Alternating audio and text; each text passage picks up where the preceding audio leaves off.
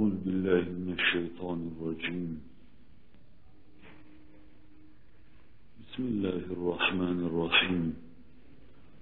الحمد لله رب العالمين.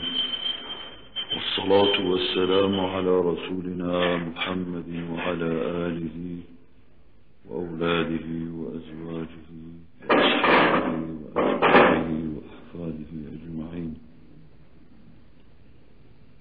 سبحانك لا علم لنا إلا ما علمتنا. إنك أنت العليم الحكيم.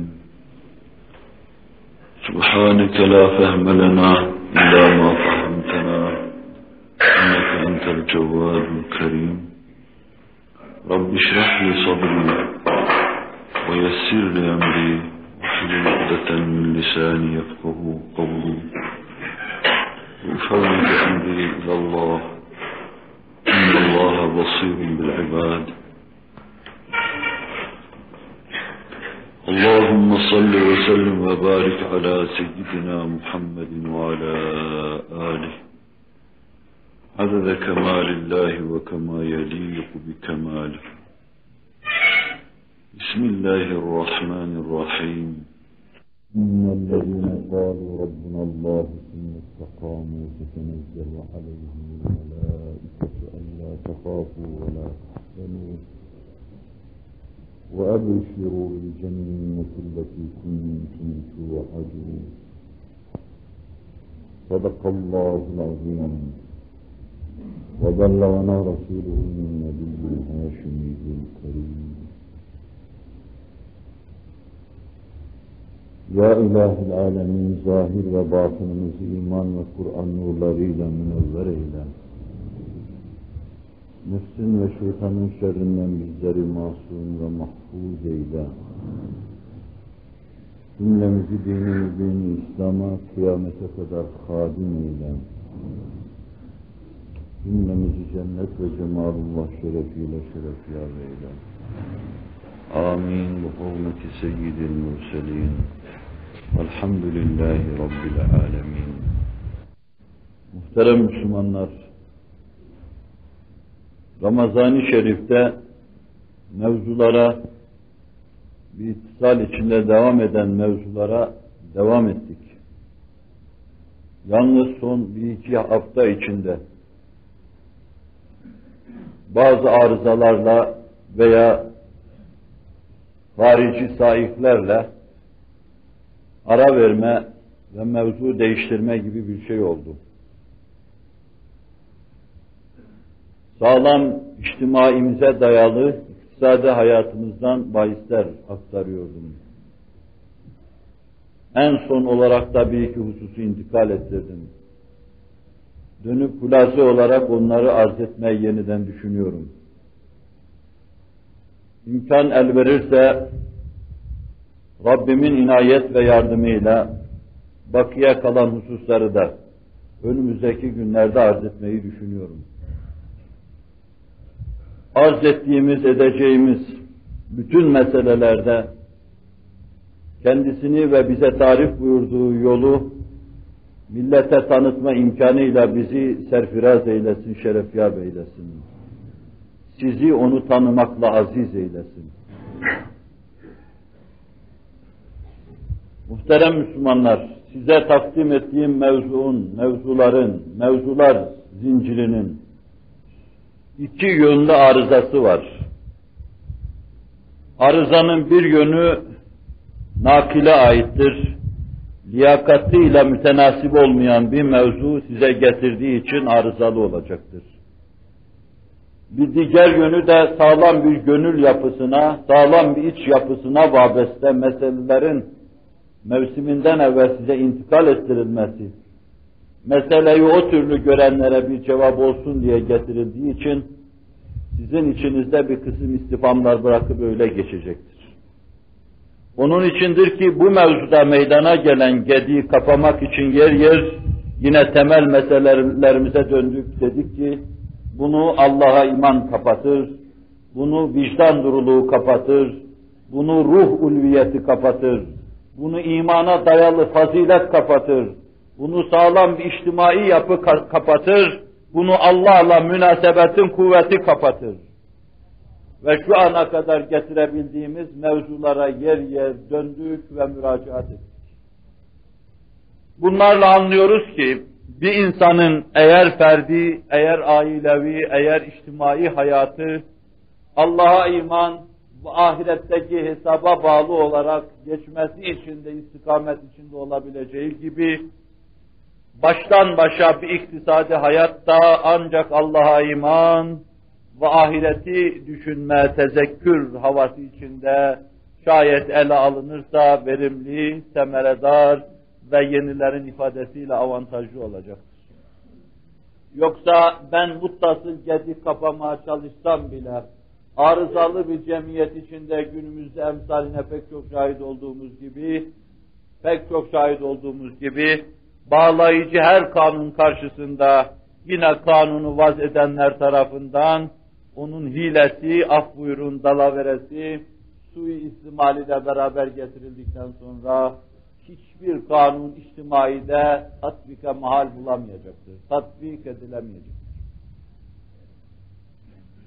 Yer yer bu hususa bilhassa dikkatinizi istirham ettim. İman mevzuu daima baş mevzu olarak mualla mevkiini muhafaza etmektedir. İmansız devamlı bir fazilete inanmıyoruz. İmansız devamlı bir insanlığa, insancıl bir sevgiye, mürüvvete inanmıyoruz. İmana dayalı olmayan insanlık düşüncesine inanmıyoruz. Ancak her şey Allah'a imana dayalı, ahirette verilecek hesaba ve ona bağlı mesuliyete dayalı yürütülürse, faziletin kendi kendine meydana geleceğine, insanlığın kendi kıymetine göre ele alınacağına, gerektiği yerde mürüvvetle ve meveddetle muamele göreceğine inanıyoruz. Binaenaleyh meselelerimizin kaidesi veya bu büyük abidenin kaidesi tamamen imanın erkanıdır. Bunu bir kere daha bu mevzuda tekrar etmiş olayım. Âmentü billah ila ahirihi ve bil kaderi hayrihi ve şerrihi. Sure-i Bakare'de daha doğrusu Bakara Sure-i Celilesinin sonunda Allah Resulü sayindeki hadisi şerifiyle okuduğunuz zaman size akşam yeter buyurdu. Amener Resulü bima unzile ileyhi min rabbihi vel mu'minun. Şu mübarek iki ayetin birincisinde her akşam ahdü peymanını bir bakıma yenilemekle mükellef olan mümin, bu meselenin nasıl hayatında bir ehemmiyet arz ettiğini, nasıl hayatında ehem, efendim, hayati bir ehemmiyet arz ettiğini, nasıl hassas ve nazik bir mevzu olduğunu her akşam terdad etmekle göstermiş oluyor. Resulullah sallallahu aleyhi ve sellem bu hususa dikkati çekmekle meselenin ehemmiyetini göstermiş oluyor. Cenab-ı Hak idrakına muvaffak eylesin bizleri. En son mevzu olarak size getirdiğim mevize, Cenab-ı Hakk'ın inayetine istinad ederek mefhumunu arz edeyim. İktisadi hayatta sağlam bir ticaret, bir ticaret değil, bir ticaret düzeni çok mühimdir. Ticari hayatın sarsılması topyekün iktisadi hayat üzerinde tesir icra eder. Ve her şey allak bullak olur. Israrla bunun üzerinde, en son tekelcilik üzerinde, spekülasyon üzerinde, spekülatif faaliyetler üzerinde, ihtikar üzerinde, ticari hayatta gerekli olan nizam ve intizamı alt üst edebilecek gayri ahlaki şeyler üzerinde ısrarla durdum. Ve bir içtimai yapıdan bunları silip süpürüp atamadıktan sonra mevzu kanunlarla insanlara getireceğiniz fazilet ariye fazilet olacaktır. Herkes muvakkaten kendisini fazileti görmeye çalışsa da devamlı fazileti göremeyecektir sırtındaki cübbesi gibi çıkarıp attığı zaman faziletten ari bir insan olacaktır. O bakımdan dış hayatımızdaki müessirleri ve faktörleri bir kanaat, bir yakin, bir izan halinde içe sokma mecburiyetindeyiz. Yani faziletlerimizi ariye olmadan kurtarma mecburiyetindeyiz. İşten neban eden ve dışa sızan, her damlası ayrı fazilet ifade eden, lazım ve lazımı gayri müfarik bir fazilet kazanma mecburiyetindeyiz. Ta ticari hayatımız denge ve düzen içinde olsun. Bütün spekülatif faaliyetlerin arkasından, ihtikarların arkasından, rüşvetlerin arkasında, tefeciliğin arkasında, kara borsacılığın arkasında Allah'a inanmama vardır. Ahirette arpanın yedide birinden dahi hesap verme düşüncesine inanmama vardır. Bir mümin bu türlü bağışlayın ahlaksızlıklar irtikap etmeden tir tir titrer. Ve bunların her birlerini küfre götürücü faktörler sayar. Bu istikamette işleyeceği her günah evvela kendisini sonra kendi cemiyetini baş aşağı küfür kayyasına götüreceğinden korkar, tir tir titrer. Zaten imanın zevkini tatmış olma alametlerinden bir tanesi de budur. Küfre giriyor gibi veya yılanın çıyanın ağzına ateşe giriyor gibi küfre girmeden korkuma, endişe etme düşüncesiyim. İmanı tadmış olmanın alametidir. Mefhumu muhalifini getirelim. Bir insan küfrün ve dalaletin gayyasına gitmeden endişe etmiyorsa, yılanın çıyanın ağzına düştüğünden endişe ettiği kadar endişe etmiyorsa, ateşe girmeden endişe ettiği kadar küfre girmeden endişe duymuyorsa, imanın tadını tatmamış demektir. Mefhumu muhalifi bu. Resul-i Ekrem aleyhissalatu vesselamın marifetullah, daha doğrusu imanu billah, marifetullah, muhabbetullah merdivenleriyle insanları yükseltip zevki ruhani dediğimiz arş-ı kemalat-ı insaniyete bizi çıkardıktan sonra vicdanınızda daha dünyadayken cennet zevklerini tadmanın yolu bu.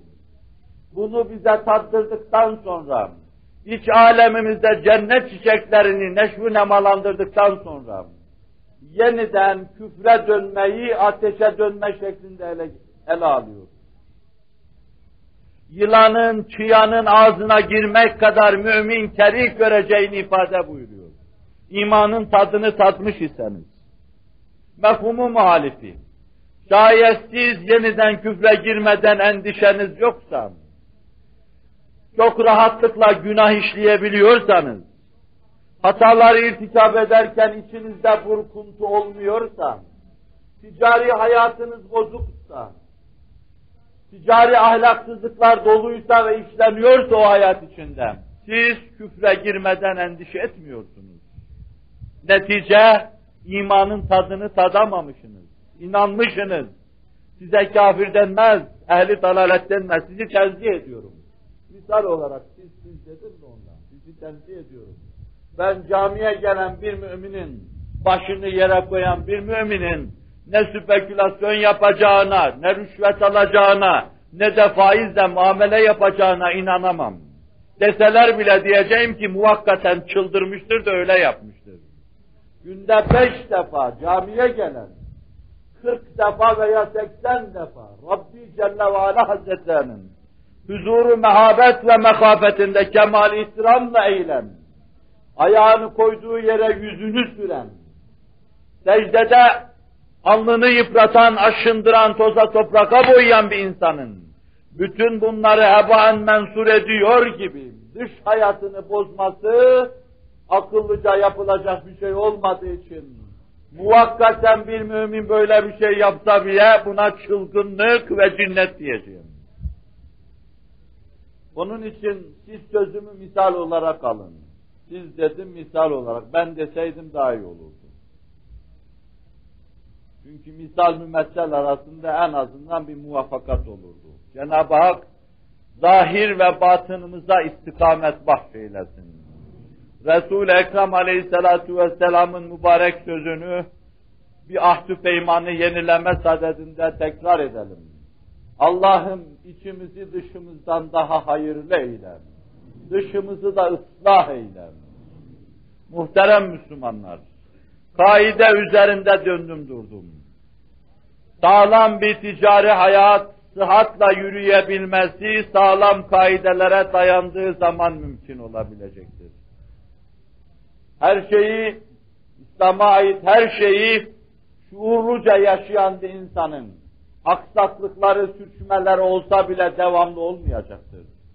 Seyyidina Hazreti Adem gibi bir zellevası olsa bile belini doğrultacak, Rabbena zalemna enfusena ve illem tagfir lena ve terhamna lenekunenne minel hasirin diyecektir.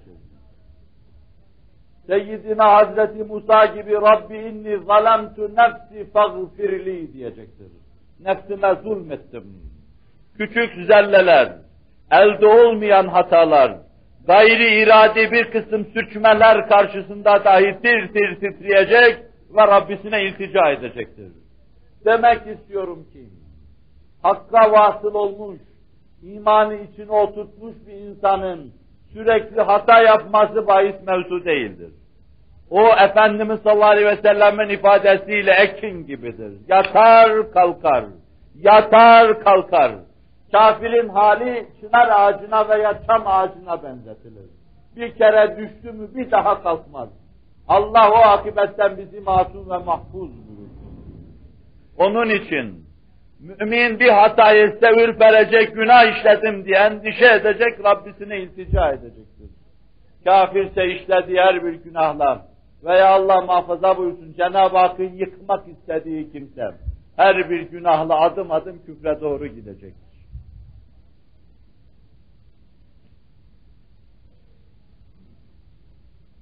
Müminin hayatında ihtikara yer vermiyoruz. İnşallah olmasın. Müminin hayatında ticari ahlaksızlıklara yer vermek istemiyoruz. İnşallah öyle olsun. Ve mümin ticaretinde tekelciliğe de gitmesin. Ariz ve amük üzerinde durup hadislerin ışığı altında art etmeye çalıştım. O bir zulümdür, gaddarlıktır. Ve bunun en mühimi de en son mevzuda ve mevizede arz ettim dampiklere kadar işi götürme, başka yerlerde serbest ticareti ve serbest rekabeti önleme, öldürme, bundan daha kötüsü de fiyatların düşmemesi için fazla istihsal, mallarını denizlere dökme, heder etme, dünyanın bir yerinde bir portakal, bir narenciye bin kurşun atıldığı halde başka bir yerde tonlarca onun denizlere dökülmesi gibi gayri ahlaki, gayri insani, insanlar arasında kendisine yer veremeyeceğimiz şekilde gayri insani bir davranıştan ibarettir. Bunları da kısaca arz etmeye çalıştım. Ve imkan el verirse önümüzdeki derste fiyata intikal edeceğim demiştim. Burada mevzuya, mevzudan mevzuya intikal ederken yine meselelerimizin temeline intikal ederek işi bağlamak istiyorum. Bizim cemaatimizde bu türlü şeylerin asla yeri olmamıştır ve bundan sonra da olmayacaktır inşallah. Bizim cemaatimiz yeryüzünde sistemlerin üstesinden gelemediği meseleleri peynir ekmek yeme rahatlığı içinde halledecektir. Bizim cemaat doğruyu kendi aleyhinde dahi olsa yaşayan bir cemaattır. Hazreti Muhammed'in cemaati sallallahu aleyhi ve sellem zuhur ettiği günden bugüne 13-14 asırlık nezih ve nazif hayatından fazileti kendisine şiar edilmiş, faziletsizlikten, yılandan, çıyandan kaçar gibi kaçmıştır. Ara sıra sürçmüş, başkalarının ifal ve tesviratına kapılmış, fakat bu devam etmemiştir. Onun içindir ki 18. asırdan sonra alem İslam ifade edilmiştir.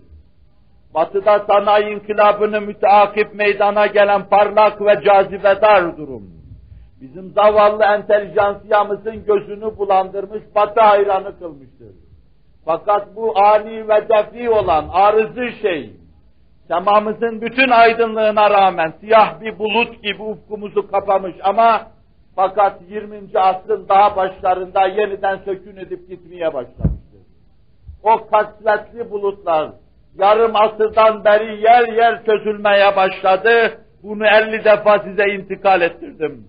çeyrek asırdan bu yana ise tamamen silinir hale geldi Allah'ın tevfik ve inayetiyle. O bulutlara dem tutanlar, destan yazanlar, sadece çığırtkanlıklarıyla kemmi ve keyfi çok derin bulutlar içinde görünmeye çalışsalar bile ciddi hiçbir tekevünleri yoktur. Bir oluş, bir diriliş kaydetmemektedirler. Belki tefessü etmiş bir bünyedeki mikropların cevelan, cereyan ve deveranı gibi başkalarının midesini bulandırmadan ibaret bir manzara ve bir hava mevcuttur. Ama bizim asıl cemaatimize gelince, iliklerine kadar vatanına bağlı, dem ve damarına işlemiş şekilde milletine bağlı, mazisiyle sıkı alakası olan ve fakat hiçbir zaman Allah'la münasebeti kopmayan, Hazreti Muhammed'den hiçbir zaman ayrılmayan sallallahu aleyhi ve sellem, 20. asır daha başlarken, lebaleb camileri doldurmasıyla, 20. 21. asra inşallah Teala, bu mukaddes emaneti yeryüzünde çok değişik olarak, olarak gelecek nesillere emanet edecektir. Ümit ediyoruz. Bizde olmayacaktır. Bu insanımız faziletli, derin bir iç yapısına sahip, hüşyar duyguya sahip ve arpanın yedide birinden hesap vereceği endişesini taşımaktadır. Tekrar edeyim. Devri Risalet Benahide Efendimiz sallallahu aleyhi ve sellem Muaz İbni Cebel'i Yemen'e gönderiyor. Kaç yaşındaydı Muaz'ı sormayın. Bilmiyorum Yemen'e gönderildiği zamanki yaşını. Efendimiz sallallahu aleyhi ve sellem onu hicretin 6. 7. senelerinde Yemen'e gönderiyordu. Vefatından 4-5 sene evvel Yemen'e gönderiliyordu. Muaz İbni Cebel Seyyidine Hazreti Ömer devrinde vefat etti. Ve vefat ederken 33 yaşlarındaydı. 32-33 yaşındaydı. Efendimiz devrinde kaç yaşında olduğunu bilmemekle beraber öyle tahmin ediyorum ki 20-25 yaşında bir delikanlıydı şey burnundan. 6-7 sene evvel Akabe'de genç bir delikanlı daha yüzünde tüy yok. İkinci Akabe'de ok gibi yerinden fırlamış, Efendimizin elini sıkmış, Efendimiz'e biat etmişti. Nadide bir dimağı vardı, bir ikinci Ömer sayılabilirdi. Zira sinesinden hançer yediği zaman Hazreti Ömer hayalleri içinde, düşünceleri içinde, tahayyülleri içinde Muaz İbni Cebel hayatta olsaydı buyuracaktır.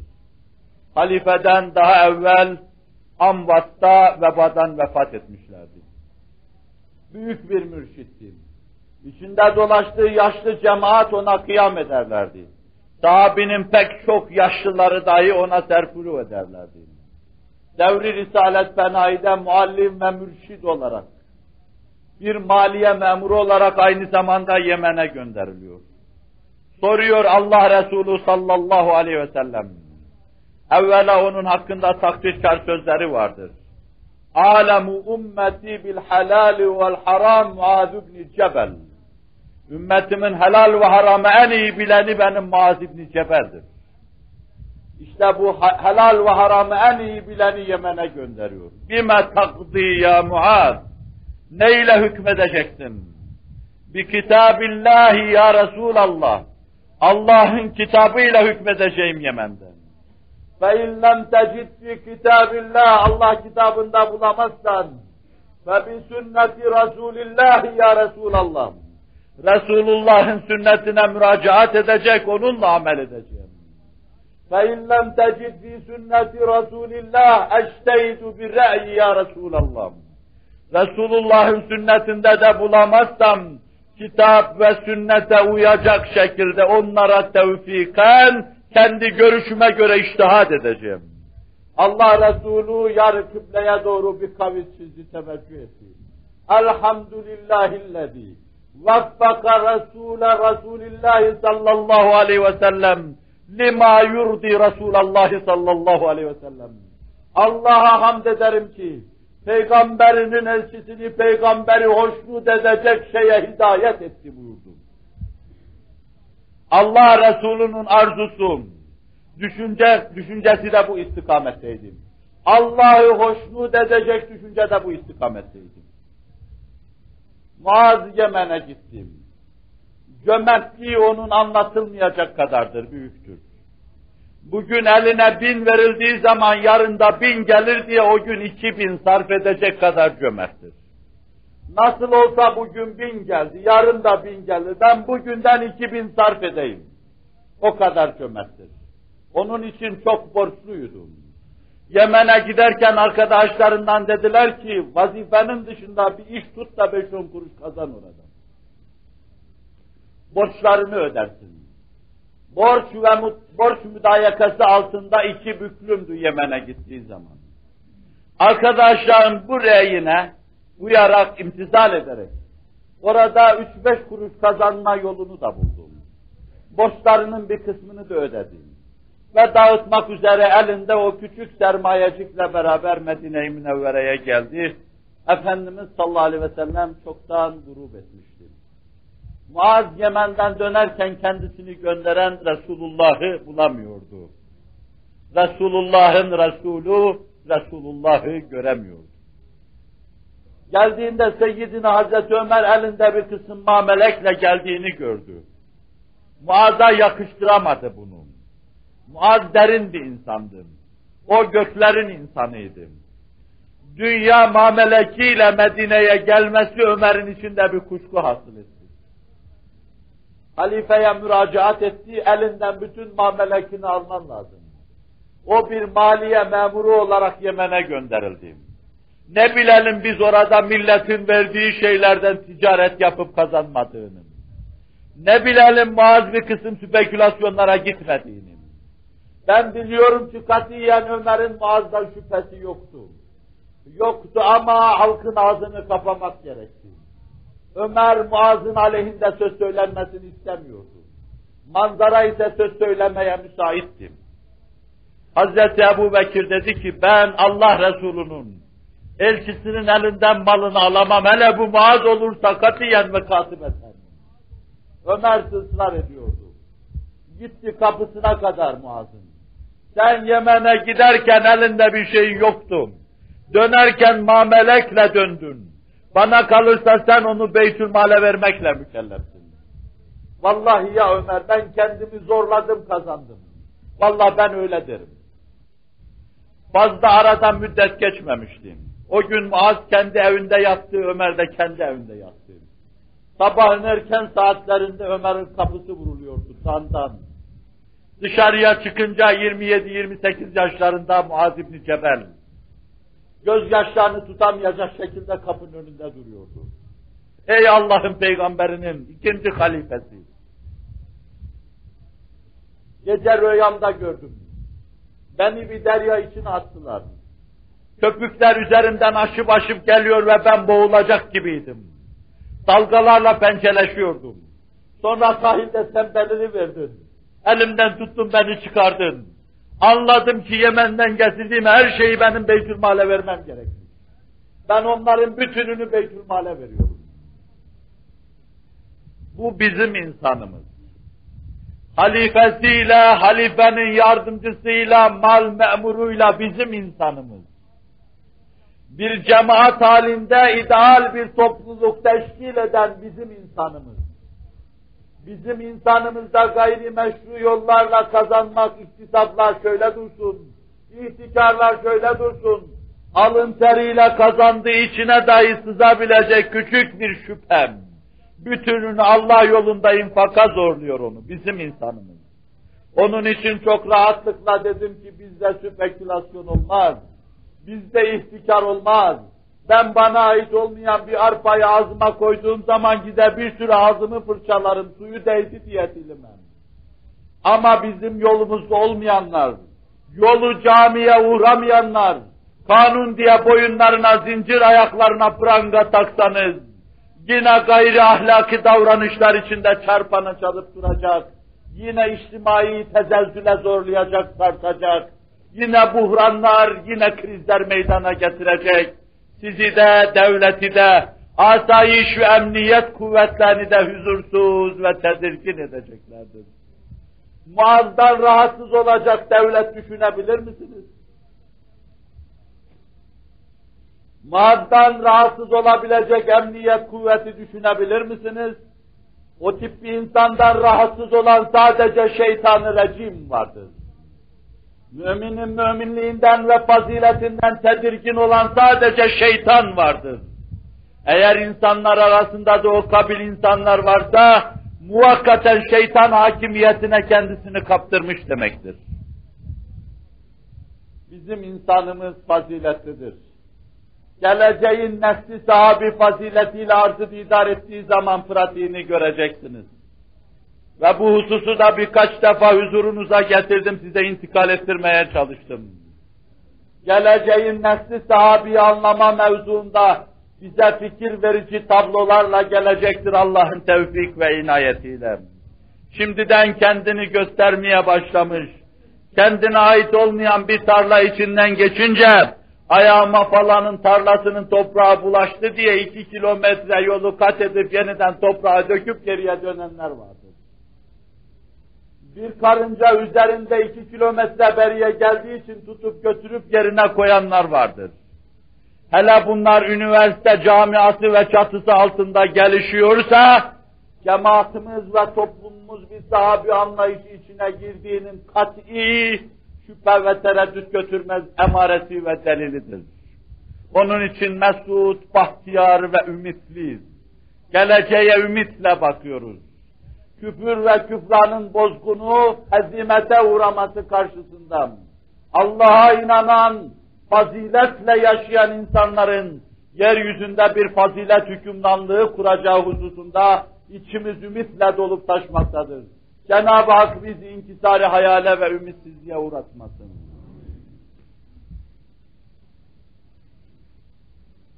Fiyat mevzuuna geçerken bizim fiyat meselesi de yine buna bağlıdır. Fiyat dediğimiz şey iktisadi hayatta, ticari hayatta, emtia mübadelesinde çok geçerli olan bir husus. Arz ve talebin oluşturduğu bir husus.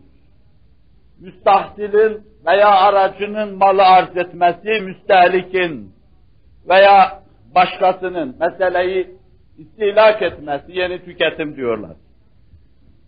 Tüketmesi muvazenesinden meydana gelen veya bunun için gerekli olan şey.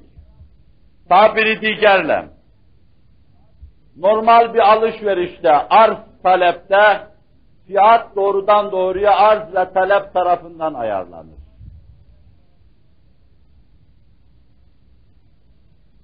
Biz bir fiyat ayarlamasına, bir bu arada narh mevzuuna, tesir mevzuuna gittiğimiz zaman yine şu vicdan duruluğumuzda, ruh selametimizden, iç alemimizdeki istikametle gideriz. Başkaları için fiyatta aldatmalar falan olabilir arz edeceğim. Fiyat dalgalanmalarındaki hakiki yükselmeleri, suni yükselmeleri, tekelcili yükseltmesini arz edeceğim. Fakat bizim cemaatimizde bu türlü şeyler asla bahis mevzu değildir. İktisatçıların muzdar kalıp, her çıkan kanuna munzam bağlayıcı yeni bir kanun çıkarıp onunla mükellefi bağlamalarına mukabil biz bunların hiçbirine lüzum hissetmeyiz. Bizim ferdimiz ve mükellefimiz Allah tarafından bağlanmıştır. Bu mevzuda hassas nokta şudur, mülk Allah'ındır. Ve bir insan ister mal sahibi ister emanetli o mülkte tasarruf yaparken mülk sahibinin izni dairesinde tasarruf yapar. Onun ibadını ızrar etmek, sıkıntıya sokmak şöyle dursun. Onlara küçük bir kötülük ihtimalinden dahi tir tir titrer ve korkar.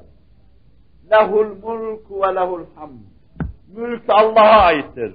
Verdiği mülkünden dolayı sadece bize düşen rızası dairesinde tasarruf ve Allah'a hamd ve sena etmektir. Allah bizi böyle kılsın inşallah. Bu belki ticari hayatta, fiyat dalgalanmasında da Frenç ifadesiyle temel felsefedir. İşin temel felsefesi mülkün Allah'a ait olması, sarf edenin de Allah'ın kulu olması. Allah'ın bağında ve bahçesinde Allah'ın bahçıvanlarının tasarruf yapmaları. Sen bir mülk sahibinin mülkünde tasarruf yaparken bir bahçıvan olarak, Nasıl tasarruf yapacaksın? Onun emri dairesinde, izni dairesinde. Onun mülküyle başkalarını ızrar edemeyeceksin. Öyleyse bizde suni fiyat yükselmeleri de bahis mevzu değildir. Tekelin yükselttiği fiyatlar da bahis mevzu değildir bizden. Belki hakiki fiyat yükselmelerinde dahi bizde sinenin kalbin tir tir titremesi bahis mevzudur. Korkarız ağzımıza girecek küçük bir haramdan. Küçük bir lokmanın haram olmasından tir tir titreriz, endişe ederiz. Bütün müminlerin kalbini bu mevzuda Allah hüşyar eylesin. Onun için iktisat, iktisatta çok bahis mevzu edilen meseleler bizde bahis mevzu değildir. Hep marjinal fiyatlar, marjinal fiyatların yükselmesi değil. Bizde ortalama bir şey yaparız, müminin kalbine, iç hayatına, iç duygusuna bağlı. Ve buna bir de serbest rekabet, sıhhatlı rekabet inzimam edince, yani rekabeti kara borsacılıktan, ihtikardan, spekülasyondan, tekelcilikten kurtardığınız zaman ahenk içinde mesele yürüyecek ve kendi kendine hallolacak. Ticari hayatınızda tekel varsa, bir kısım kimseler bütün ticari hayata hükmediyorlarsa, çarşı ve pazardaki emtiayı topluyorlarsa, yerinde parayı da topluyorlarsa, öyle bir memlekette kanunlar ne kadar baş döndürücü olursa olsun, cemiyetin yüzde büyük bir nispetine huzur ve saadet getiremeyecek.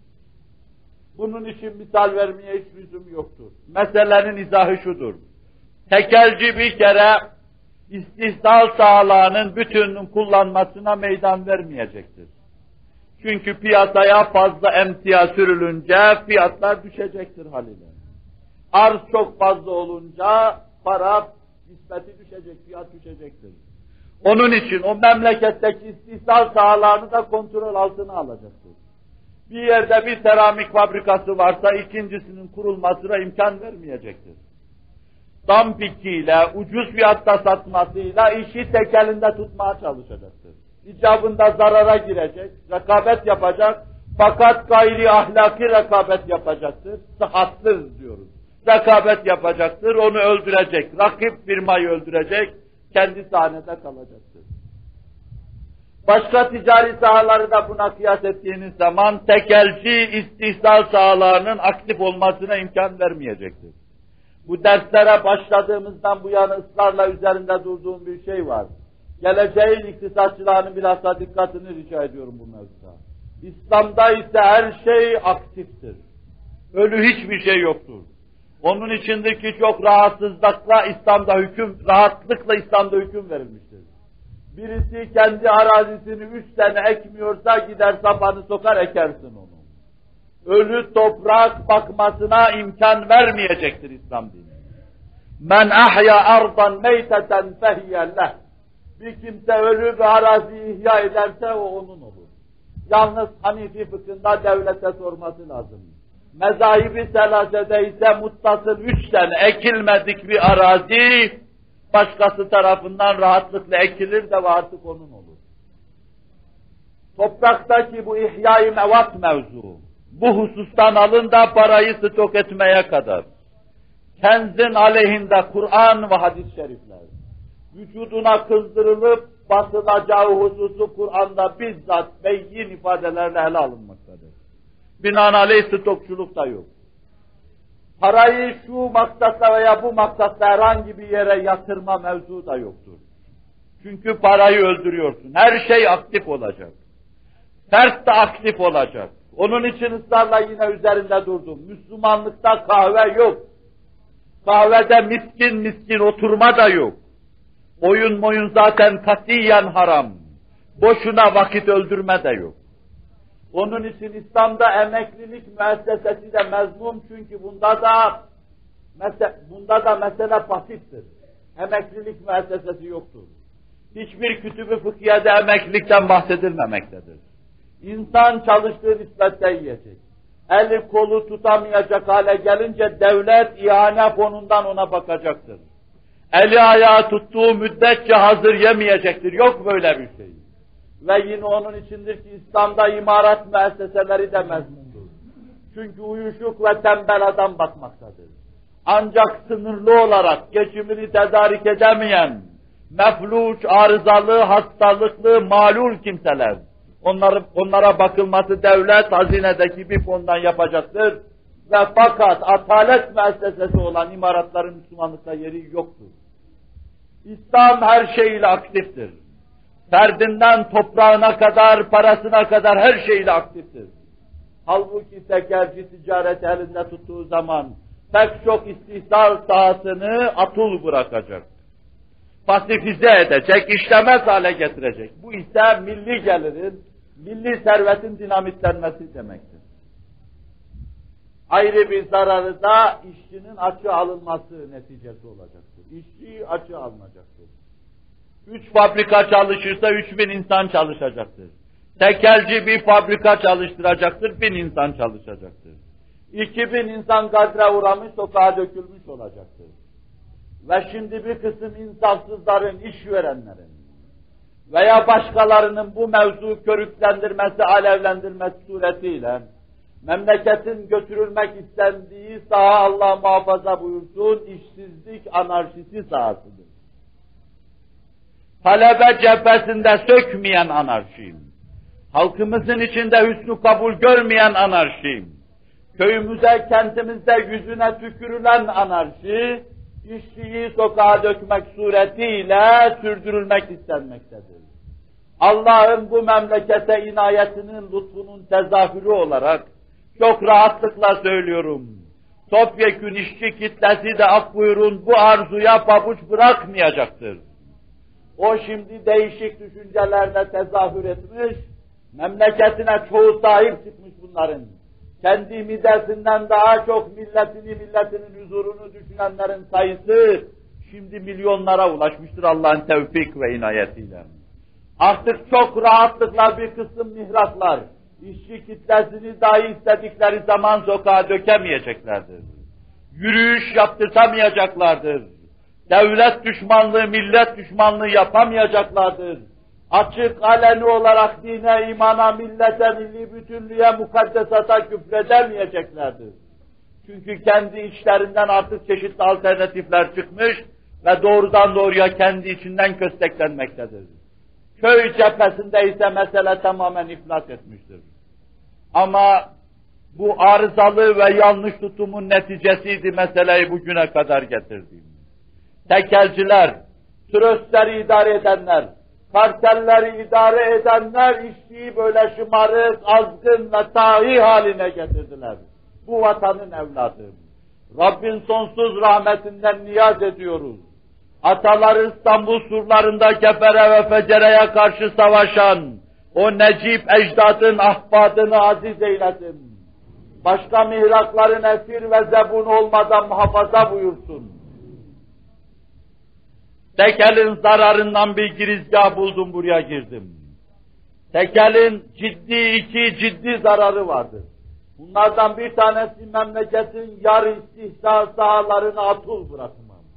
Pasifize etme, çalıştırmamam ve böylece memleket çapında ciddi zarara sebebiyet verme. Feodalizm döneminde bu batıda olmuştur. Batıdaki dünkü süprüntü düşünceler bugün bizim içimizde ikame edilmeye çalışılmaktadır. İkinci zararı ise işçinin asıntıya askıya alınması. İşçinin boşa alınması hususudur. Bu ise Allah muhafaza buyursun işçi cephesinde anarşiye sebebiyet verecektir. Onun içindir ki saatli rekabet dedik. Ve bunu derken bu türlü arızalara meydan verilmeyen bir rekabet dedik. Bu rekabet içinde duru vicdanlar, kendilerine düşen işi yaparlarsa Allah'ın tevfik ve inayetiyle arızasız sahili selamete çıkarır. Bir diğer arızaya gelince tekelcilikte. Tekelci tekeli elinde tutabilmek için ticari hayata çeşitli ahlaksızlıkları sokar. Tekeli elinde tutabilmek için. Bu usta temas ettiğim kanaatindeyim. Daha evvelki derslerde az buçuk buna temas etmiştim kanaatindeyim. Arz ve talep dengesini o seviyede tutar ki o seviye daima tekelcinin çıkarına ve lehindedir. Fakat topyekün vatanın aleyhinde işler. Ve bunu yapabilmesi için de çeşitli ahlaksızlıklar, ticari ahlaksızlıklar bahis mevzudur. Ve bunların hepsini yapar. İcabında dıştaki ithalatçı Yahudi ile anlaşır, başka senin vatanın ve milletin düşmanı birisiyle anlaşır, yapacağı şeyi yapar, tekelini bu memlekette sürdürmeye çalışır. Bu işleyen mekanizma bizim dışımızda olanlar için çok korkunç şeylerdir. Daha evvelki bir mevizede spekülasyona karşı spekülasyonun çıkarılması, tekele karşı tekelin çıkarılması hususu, ticari hayata denge getirmek için yine batılı düşünürler tarafından ortaya atılmış şeyler diye arz etmiştim size. Yani ahlaksızlığı ahlaksızlıkla önlemem. İnsan, insaniyet dışı şeyleri yine insaniyet dışı şeylerle önlemeye çalışmam. Canavarlara karşı canavar çıkarma gibi bir yanlış yol suyu istimal edilmesi için, edilmemesi için herhangi bir sebep olmayan yollara başvurma, bunun üzerinde de ısrarla durmuştum. Bize gelince bizde bu türlü şeyler bahis mevzu değildir Allah'ın tevfikiyle. Zira evvela her türlü ihtikar ve spekülasyon için. Men ihtekara fehuve khati. Resul-i Ekrem sallallahu aleyhi ve sellem mal yağan, stok yapan, kendi menfaatini halkı ızrarda arayan, piyasa ve pazarı allak bullak eden, müstahsilin önünü dışta alan ve böylece malı elinden alıp da müstahsilin müstehlikle yüz yüze gelmesine engel olan, bu mevzuda ne kadar ahlaksızlık varsa hepsini yapan ciddi hata içindedir buyuruyor. Meseleye vüzuh getirdiği ayrı bir hadis-i şerifinde ise mealen buyuruyorlar ki, müminlerin zaruri maddelerini, zaruri ihtiyaçlarını 40 gün stok yapan bir insan Allah nazarı merhametle ona bakmayacaktır. Yani o türlü ticaret yapan bir insan rahmet ilahiden mahrumdur. Kur'an şiddetle stokçuluğunda karşısına çıkıyor. Sen şurada burada faizine stok yapamayacaksın.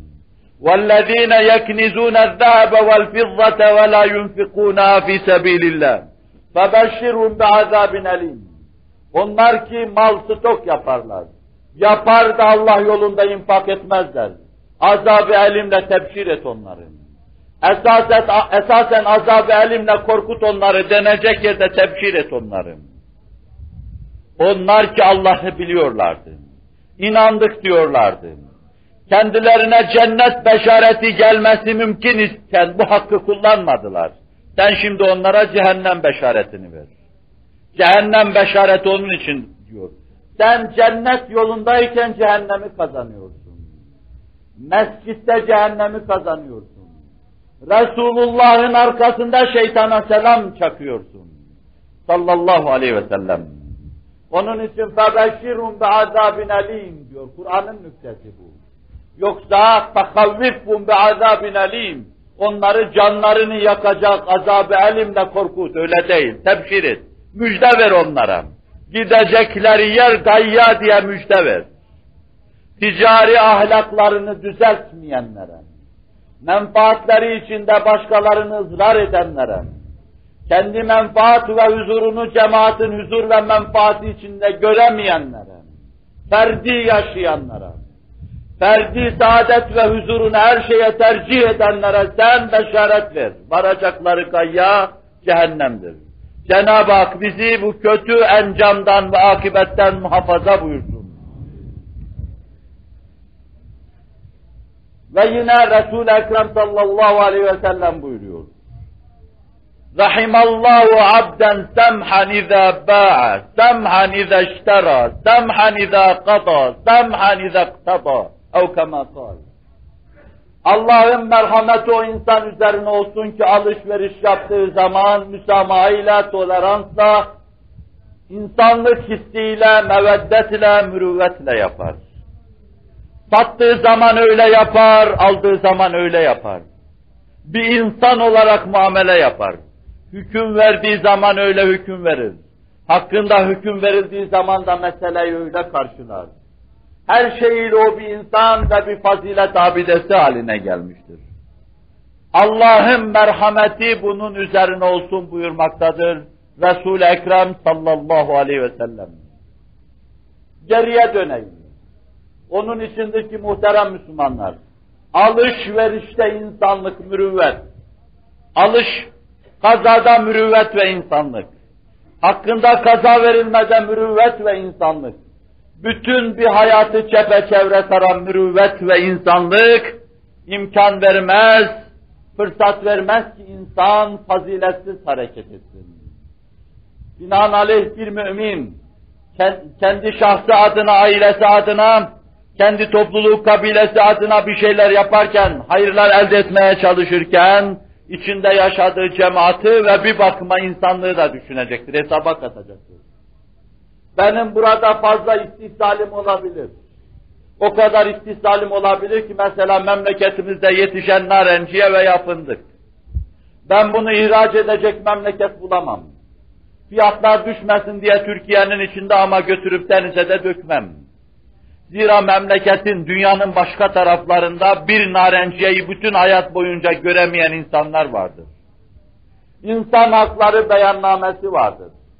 Fransız ihtilali kebiri vardır. İnsanlık adına dem tutmalar, destan tutmalar vardır. Ama Hindistan'da açlıktan değil narenciyeden ölen binlerce insan da vardır. Ne gariptir ki istatistikler bize gösteriyor. İskandinavya memleketlerinde istihsal fazlası mal, Baltık denizine dökülmesi de vardır. Portakal vardır, limon vardır, arpa vardır, buğday vardır. Fiyatları belli seviyede tutmak için yakma vardır, batırma vardır da açından Afrika'da, şurada, burada ölen insanların imdadına koşmama vardır. Binaenaleyh bir mümin böyle düşünmez. Biz, bize ait dünyanın yaşandığı dönemde gördüğümüz şeyler şundan ibarettir. Ceziretül Arap o gün fakru zaruret içindeydi ve perişandı. Ama imaret ve zimamdarlık bizim elimizdeydi. Mekke ve Medine'nin ister hadimi, isterse oranın maddi yapısının hakimi, bizim atalarımız bulunuyordu. Oralarda yaşayan insanların fakru, fakru zaruret içinde yaşanması tarafımızdan biliniyordu. Ve bunu da yine resmi istatistikler, o zaman intişar eden, meclise ait cerait neyse onlar tespit etmiş arşivlerde mahfuz bulunuyor. Kütüphanelerimizde mahfuz bulunuyor. Biz vapurlara arpa buğday doldurup oraya gönderiyoruz. Şimdi yeni yeni bunları buluyor, çıkarıyor ve neşrediyorlar. 100-150 seneden beri İslam alemiyle bizi düşman hale getirmek için ciddi entrikalar çevriliyordu. Ve diyorlardı ki Araplar kendi aralarında Osmanlılar sizi ezdiler. Size zulüm ve cevir ettiler. Ama 70-80 yaşında meseleyi kavramış birisiyle Arafat'ta görüşüyoruz. Abdülhamid deyince ben cennet mekan aleyhir rahmeti vel ufran diyor Arap. Mesele şimdi yeniden yeniye yavaş yavaş anlaşılıyor. Allahu Teala ve Tekaddes Hazretleri yardımcımız olsun. Girizgahlar beni sade harici sözler söylettiriyor, sevk ediyor. Önümüzdeki derste imkan el verirse inşallah Teala. Faize küçük bir temas edip geçeceğim anlattım önce. Maliye mevzunu intikal ettirmeye çalışacak ve kısaca da inşallah vakit yeterse sigorta üzerinde duracak. Onun hakkında İslam'ın verdiği hükmü intikal ettirmeye çalışacağım. Daha bu mevzuları fazla uzatmak istemiyorum. Zira birkaç aydan beri üzerinde duruyoruz. Allah rızasına muvafık eylesin. Cemaati olan, kendisine inanmış, yüzü yerde vicdan aydın sizleri dinini yaşama istikametinde sabit kadem, rastı kadem eylesin. Size dizinize derman, kalbinize derman, ruhunuza fer ihsan edin bu büyük davada sizi sonuna kadar sebatta daim ve kaim eylesin. Lillahi Fatiha. Muhterem Müslümanlar, dünyevi ve uhrevi huzur ve saadetin kaynağı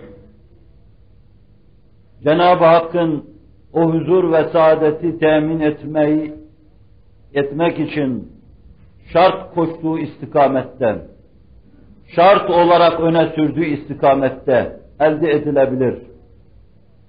Cenab-ı Hakk'ın emirleri dairesinde rızasını tahsil etme istikametinde huzur ve saadet elde edilir. İnsan Allah'a imanla işe başlar. Salih amelle kendisine istikamet kazandırır. Salihatın ihsan seviyesine, Rabbisini görüyor gibi ona kulluk yapma seviyesine yükselmesiyle tam huzuru, vicdanı huzuru elde etmiş olur. Bu yol ve bu istikametin dışında bütün huzur ve saadetlere suni huzur ve saadet nazarıyla bakıyoruz. Gelip geçici huzur, aldatıcı huzur ve saadet nazarıyla bakıyoruz. Zail olmayan huzur ve saadet, zail olmayan bir zat tarafından gelen esintiye bağlıdır.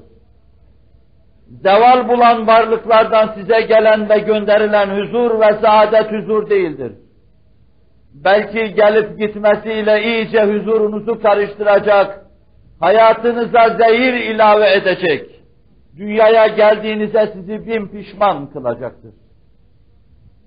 Huzur, huzuru gönlümüzde yaratan, onu imana bağlayan, hakikata bağlayan, Hazreti Allah'a imanla elde edilir o imanın muhtezası, salihatı yerine getirmekle kemali elde edilir. İman ve ameli ihsan, sırrı ihsan seviyesinde yaşamak suretiyle zevki ruhani elde edilir ki, dünyadayken insan cennete benzeyen bir hayat yaşamaya muvaffak olur. Huzur ve saadeti şu vadide bu vadide adım adım izleyen ve takip eden, günümüzün Müslümanlarına Allahu huzura giden yolu hidayet eylesin. Muhterem Müslümanlar, her meselenin kendine göre bir hakikati vardır. Mesele kendi hakikatini bulamazsa vahiy bir hüviyet alır, hayalden ibaret kalır. Ve mal o meselenin altında o büyük hakikat olmalıdır. Huzur gibi büyük bir meselenin altında Allah'a iman gibi bir hakikat olmalıdır. Allah'a iman gibi mühim bir meselenin altında da sizin davranışlarınız, iç aleminiz ve iç aleminizden dışa sızan keyfiyet olmalıdır.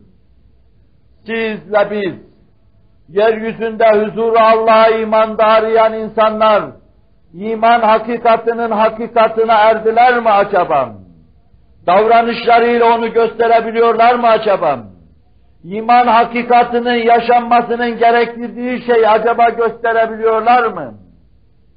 Bu bize ait bir keyfiyettir. Ve ben huzurun ikinci derecede şartı adisi, şartı alisi olan bilhassa bu hususa temas edeceğim. Huzurun hakikati Allah'a imandır. İsterseniz siz onu kafi, vafi, sebep, kafi vafi ispat edici illet kabul edin, isterseniz etmeyin. Allah'a imanın hakikati ise sizin davranışlarınızda ispatlanan bir husus ve bir keyfiyettir. Yaşayışınızı fersudelikten kurtaramadıktan sonra, davranışlarınızda putperestliğe ait şeylere yer verdikten sonra, gönül istikametini bulamadıktan sonra, iman sağlam hakikatini bulamamış, üstüne oturamamış demektir. O oturamayınca da sizde kaynaşma durmayacak. Yani huzursuzluk müstemir devam edip gidecektir. Ona istikrar kazandırma, iman hakikatinin kaidesini bulmaya bağlıdır. Bizler hepimiz Allah'a binlerce hamd ve sena olsun, hak ile müminiz.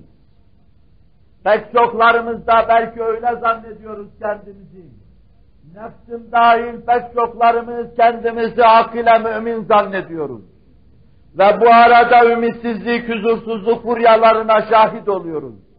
Çepeçevre hayatımızı saran ve huzurumuzu tehdit eden şeylerle karşı karşıya kalıyoruz. Niçin ve nedenini araştırmadan huzurun kaidesine bakma ve sonra imanın oturduğu kaideye bakma veya onu gösteren sebep ve faktörlere bakma mecburiyeti. Resul-i Ekrem sallallahu aleyhi ve sellem biraz evvel misaliyle kendisini size arz etmeye çalıştım. genç Muaz İbni Cebel'le karşılaştım. Ve ona Allah Resulü sallallahu aleyhi ve sellem şöyle sordu. Keyfe esbahte ya Muaz? Nasıl sabahladın? Bugün nasıl gece ettin veya sabaha dahil oldun? Esbahtu mu'minen hakka dedim. Allah'a hamdolsun, hakiki bir mümin olarak sabahladım. Resul-i Ekrem Muaz'ın boyunu, bosunu biliyordum. Ama soruyor, kulli hakkin hakikaten ve ma hakikatu imanik. Her hakkın bir hakikati dayandığı bir mesnedi vardır. Ben hakkıyla iman ettim diyorsun, onun mesnedi nedir diyor muazzam. Muaz çoktan rüştünü ispat etmiştin. Medine'nin ve Mekke'nin müşriklerinin nazar itibarı almayarak Resul-i Ekrem'in elini sıkarken bütün cihana karşı ilanı harp ediyordu. Muaz biliyordu ne yaptığını. Ve bütün bir hayat boyunca faziletli yaşayacak Resul-i Ekrem'e itaattan bir lahta ayrılmayacaksın. İşte bu Muaz'a Resul-i Ekrem soruyor. İnne likulli hakkin hakikaten ve ma hakikatu imanik. Her meselenin bir mesnedi vardır. Senin imanının mesnedi nedir, hakikati nedir? Cevap veriyor. Ma esbahtu sabahan qattu illa zanantu enni la umsi ebeden. Ne zaman sabahlasam akşama çıkma ümidinden yoksun sabahlarım. Bu benim son sabahımdır, bugün iyi bir kulluk yapayım derim. وَمَا أَمْسَيْتُ مَسَانِ إِلَّا ظَنَنْتُ أَنِّي لَا أُصْبِحُ عَبَدًا Ve ne zaman akşama girdimsem, kendi kendime dedim ki Muaz bu senin son akşamındır. Son akşamını güzel değerlendir. وَمَا خَطَوْتُ خَطْوَةً إِلَّا ظَنَنْتُ أَنِّي لَا أُتْبِعُهَا خَطْوَةً أَبَدًا Ben bir adım atmadım ki ikinci bir adımı atamam. kendi kendime muaz iyi at dedim, son adımın olabilir. Resul-i Ekrem'e verdiği cevap. Ve keanni anzuru ila ummetin casiyetin tud'a ila kitabiham. Gözümün önünde dize gelmiş hesabın ağırlığı altında her ümmet kitabına davet edilme manzarasıyla karşıma çıktım. Sanki ben de dize gelmişim. Bana muaz hesabını ver diyor Allah böyle sabahladım.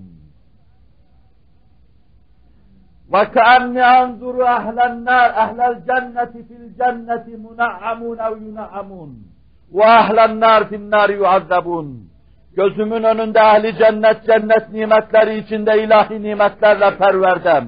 Ve yine gözümün önünde ilahi azab içinde kıvrım kıvrım kıvranan azabı cehennem cehennemle muazzap gördüm öyle sabahladım.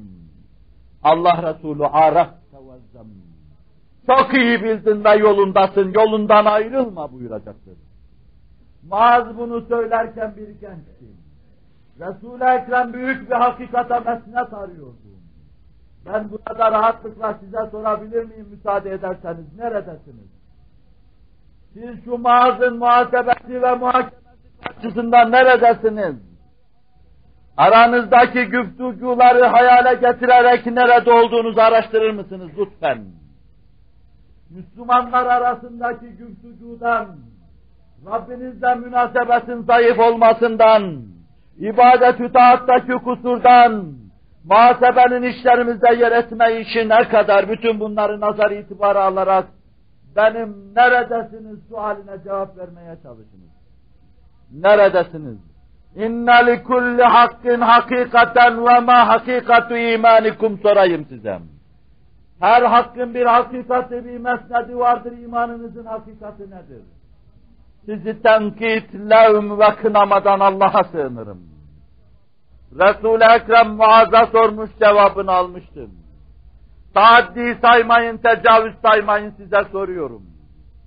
Ben Allah Resulü'nün ümmetinden eminim. Fakat inanın benim emniyetim sizi kurtarmaz.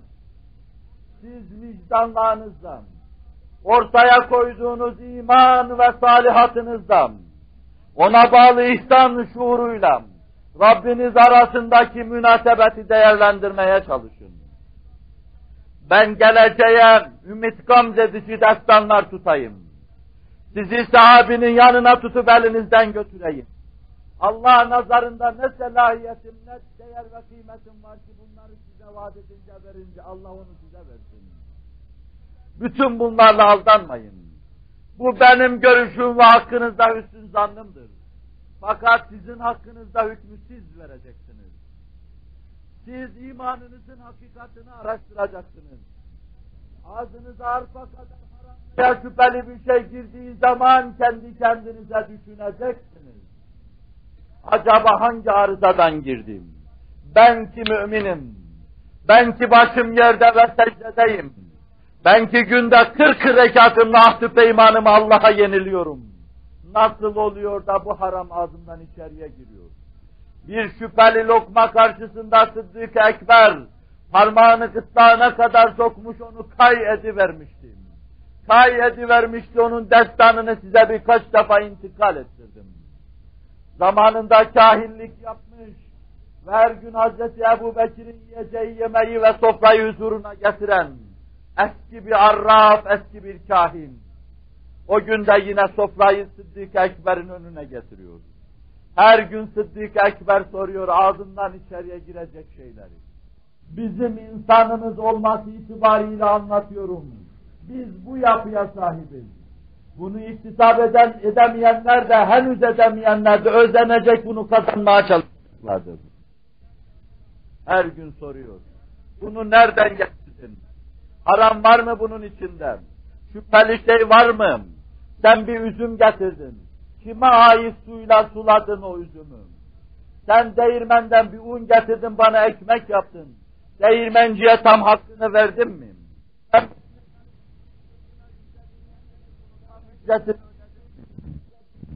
Sen ektirdin, biçtirdin, ücreti, ücreti teri kurumadan ödedin mi? Bütün bunları sorduktan sonra helal diyor, lokmayı ağzına koyuyor. O günse belki bir iftardı. Bütün bu tahkikatı, tamikatı yapmaya sabrı kalmamıştım. Lokmayı ağzına götürdükten sonra ancak idrak etti hatırladı. Lokmayı ağzından çıkardı. Arraf'a sordum. Sen bunu nereden getirdin? Ey Allah'ın peygamberinin halifesi! Ben cahiliye devrinde milletin başına gelecek gaybi şeylere haber verirdim. Ya eline bakar haber verirdim. Ya simasına bakar haber verirdim. Gayipten haber verirdim. O günden kalma bir alacağım vardı. Bugün onu verdiler bu sofrayı getirdim. Elini kırtlağına soktu midesine kadar ne kadar inmiştem. Zerresine kadar her şeyi dökmeye zorladım. Beyan oldu ki bu kadarcık lokma için bu kadar tahallük fazla değil mi? Ben Resul-i Ekrem sallallahu aleyhi ve sellem'den işittim. Haramdan gelişmiş bir tek hücre vücutta bir tek parça. Bir lokma kadar bir parça onu cehennem temizleyecektir başka temizlenme yolu yok. Bu bizim yapımızda mühim bir esas, mühim bir rükün teşkil etmektedir. Ve insanımız buna sımsıkı bağlıdır. Binaenaleyh biz imanımız açısından neredeyiz? İşte bu bir tek lokmanın dahi kavgasını verecek kadar bu mevzuda hassasiyet göstererek, tahallük göstererek istikametimizi ishar etme mecburiyetindeyiz. Ve ma hakikatu imanukum. İmanınızın dayandığı kaide nedir söyleyin bana. Bunları söyleyebilirseniz ben size fakat araftum ilzemu. Siz de çok iyi bildiniz tuttuğunuz yolda devam edebilirsiniz, gidebilirsiniz diyeyim. Hala hüsnü zannım bu merkezdedir. Cenab-ı Hak ben hüsnü zannımdan sizi de İslami yaşayışınızda yanıltmasın, sürçtürmesin, istikamette kaim ve daim eylesin. Ela inne ahsenel kelamı ve ebla'n nizam. Kelamullahil melikil azizil allam. كما قال الله تبارك وتعالى في الكلام وإذا قرأ القرآن فاستمعوا له وأنصتوا لعلكم ترحمون. أعوذ بالله من الشيطان الرجيم. بسم الله الرحمن الرحيم. إن الله مع الذين اتقوا والذين هم محسنون. صدق الله العظيم. عباد الله Allah'ın kulları ittakullaha ve ati'uh Allah'a karşı gelmekten sakının. Allah'a karşı çok saygılı olun. Allah'ın himayesine girin ve Allah'a itaat edin. İnna Allah ya'muru bil adli vel ihsani ve ita'i zil kurban. Muhakkak Allah adaletle emrediyor. Kur'an'da buyurduğu gibi İslam'ı yaşamakla, İslam'ın emirlerini hayata hayat kılmakla emrediyor. En geniş manasıyla ihsanla, Rabbinizi görüyor gibi ona kulluk yapmakla, siz görmezseniz dahi o sizi görüyor ve her halinize nigehban bulunuyor ya. Ve yine en geniş manasıyla yakınlarınıza bir şey vermekle, şu mualla İslam dininin ufkunuza şahbal açması istikametinde servetinizi sarf etmekle size emrediyor. وَيَنْهَا عَنِ الْفَحْشَاءِ وَالْمُنْكَرِ وَالْبَغِيِ يَعِذُكُمْ لَعَلَّكُمْ تَذَكَّرُونَ Ahlaksızlığın her çeşidinden, gizlisinden, açığından, büyüğünden, küçüğünden, dinin emirlerini tanımayıp baş kaldırmanın her çeşidinden, telakkilerin, asırların anlayışının değil, Resulü Zişan ve sahibi Kur'an'ın çirkin gördüğü şeylerden sizi nehyediyor. Böylece size nasihat ediyor. Ta düşünesin